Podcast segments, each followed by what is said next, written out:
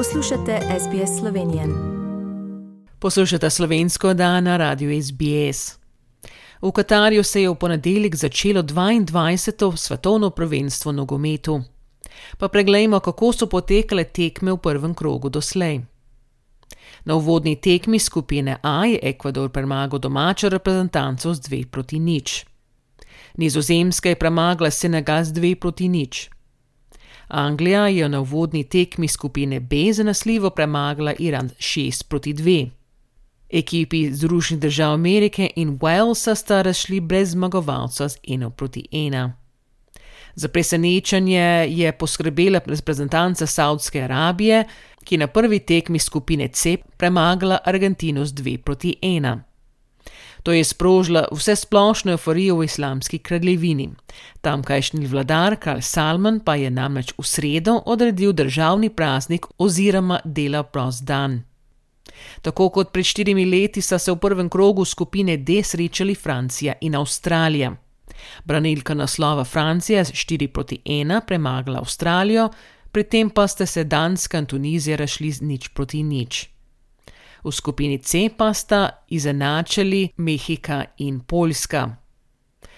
Nogometaši Belgije so vknjižili pričakovano zmago v skupini F, ko so premagli Kanado 1 proti nič.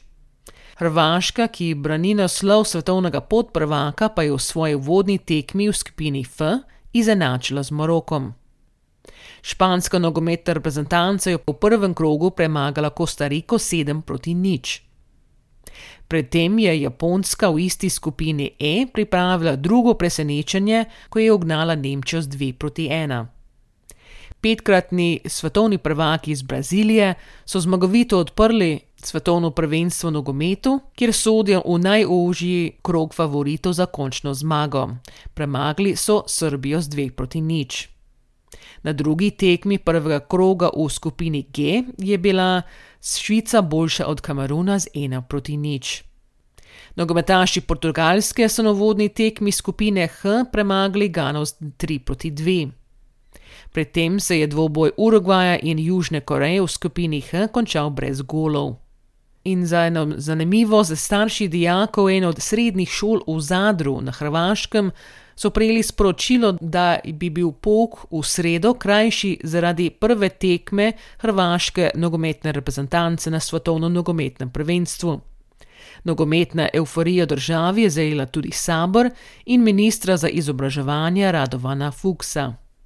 Avstralija pa se bo v drugem krogu danes zvečer ob 21. po avstralskem vzhodnem času pomerila s Tunizijo, kar bo se lahko seveda vsako sekundo v živo spremljali na SBS-u, na digitalnem radiju, na spletni strani Rade SBS, mobilni aplikaciji Rade SBS, na televizijskem kanalu SBS in SBS On Demand.